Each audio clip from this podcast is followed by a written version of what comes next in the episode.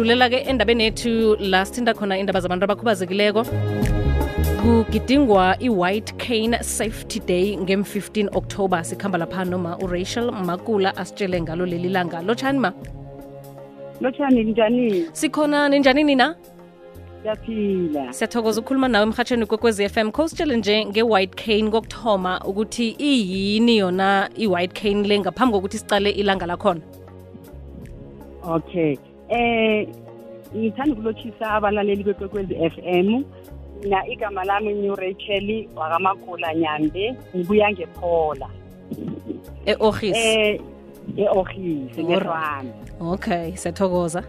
Mm. thank you. Cane uh, safety awareness ilanga esiligidikayo ngeyi-15 zaka-oktoba every year. Mm. Yilapho i-white cane yile ndule emhlophe isetshenziswa abantu abangaboni. Mhm.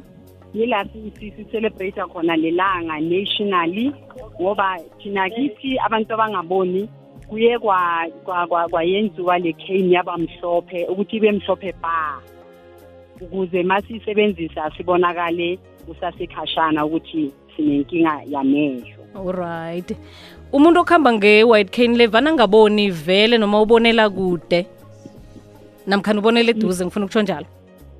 Alright. Isetshenziswa umuntu ongaboni totally blind nalo u-visually impaired Mm. obona kancane.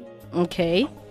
Yes. And then ngiyacabanga ukuthi umuntu oyitholako kufanele ukuthi athole ne-training ngafeaturesana nje bamfundise ukuthi isebenza njani iyafundiswa ukuthi uyisebenzisa kanjani Mm. ngoba angeke ukwa umane uyithole uyisebenzise. Kumele uthole i-training from kuma-onm okay itholakala kuphi? Eh ikheyini lena iyatholakala thina empumalanga siyayithola mahala simahla. Eh umuntu makayifuna kumele ahlangane nekliniki eseduze naye or esibhedlele ama-eye clinic wethu. Okay. Uyayibhalisa lapho then bese uzothola bazokuriferela umuntu okutrainayo ukuthi uyisebenzisa kanjani. Mm. ineminyaka kuthiwa mhlambe isebenziswa umuntu ongaka namkhana nabantwana bangayisebenzisa ngoba angavami ukubona abantwana eh basebenzisa icane. Vane ngibona abantu abakhulu. Hani ngoba mhlambe vele umntwana ngeza namkhambisa yedwa angaboni. Eh inama sizes nomntwana omncane unayo isize nathi abantu abadala asilingani kodwa inama sizes okay. Just that abantwaneni siye siprefere ukuzibambela yena ngesandla singamyeki singamyenzi ukuthi abe independent. Mm. but kudingeka lokho ukuthi naye kumele ayithole ayifunde ukuthi isetshenziswa kanjani akwazi ukuzikhambela. No siyathokoza. Manje sike nanigidinga ilangeli niligidinga njani-ke ngem-15 nina ehlanganweni mhlawumbe eh yabantu abangaboniko siye si- siye sihlangane ngamamasipalata wethu siyiphathele amakheni wethu siyihambele etratini sikhombise kabanzi ukuthi sikhona sisasilunga lomphakathi. Mm. nabantu abahamba nangeenyawo basibone esikhathini esiningi masenza njalo basuke bamangala abantu ngoba suke sesibuthene sibaningi. Kanti kaningi kaningi ubonakala munye laphaya nangenye ilanga uhlangana naye laphaya. So siye sihlangane si- sigidinge lelanga siyigculele sihambe zonke lezi ndlela ukukhombisa ukuthi sikhona and si-independent. Nangambala umphakathi ufuna wazi ini-ke ngani abantu abangaboniko ukusebenzisana nokusizana mhlambe endleleni? Siyalidinga kakhulu usizo lomphakathi.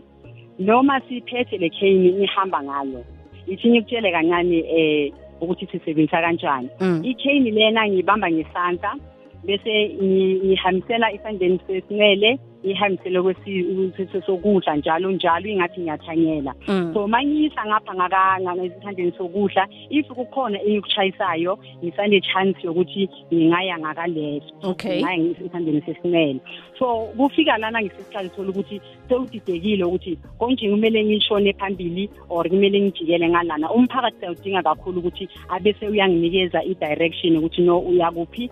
Ngithi no ngiyangapha bese anginikeze umphakathi kumele uwazi ngathi kakhulu and nasemphakathini ngiye ngithanda ukuthi if banabo abomalume abusisi abangaboni bangaba bavaleli endlini mababakhiphe ba- ngaleyo ndlela basuke babanikeza i-courage ne- ne-confidence ne-self esteem ukuthi bazenzele izinto baphumele estradini. Singabavaleleli ezindlini bahlanganyele nabantu. Ngizwa kamnandi. Aloke umuntu vane esele ayijwayele iroute akuhamba ngayo le mhlambe imhlala nendlela akuhamba ngayo eh nakachinga lapha achinga khona. Noma uyakwazi nje ukuthi bakunikele i-address uzithomele uyokufuna indawo ungaboni ukuhamba ngayo ikhane le eh mabakunikeze i-address mm. eh ungafika but uyofikela up until lana ujayele ukuya khona Mm. bese uzoba noku- no- no- noku- nokuhlangahlangana nokustaka but now uyakhona ukuthi usebenzise nefoni bathi jikela ngakaleft labe Oh. uzabe ukhona but kakhulukazi ngilana kudingeka khona ukuthi ngathi kungaba nomuntu ongakubhekela ukuthi uye ngalana siyakhona ukuyihambela masithola usizo from kubantu abahamba nanginyawo or abahamba nangiyimodelo nokuzwakele kamnandi mama. So abantu abayifunako ikhane le ne-training yakhona bangathinta ubani kuphi mhlambe ukuthi bakwazi ukusizeka?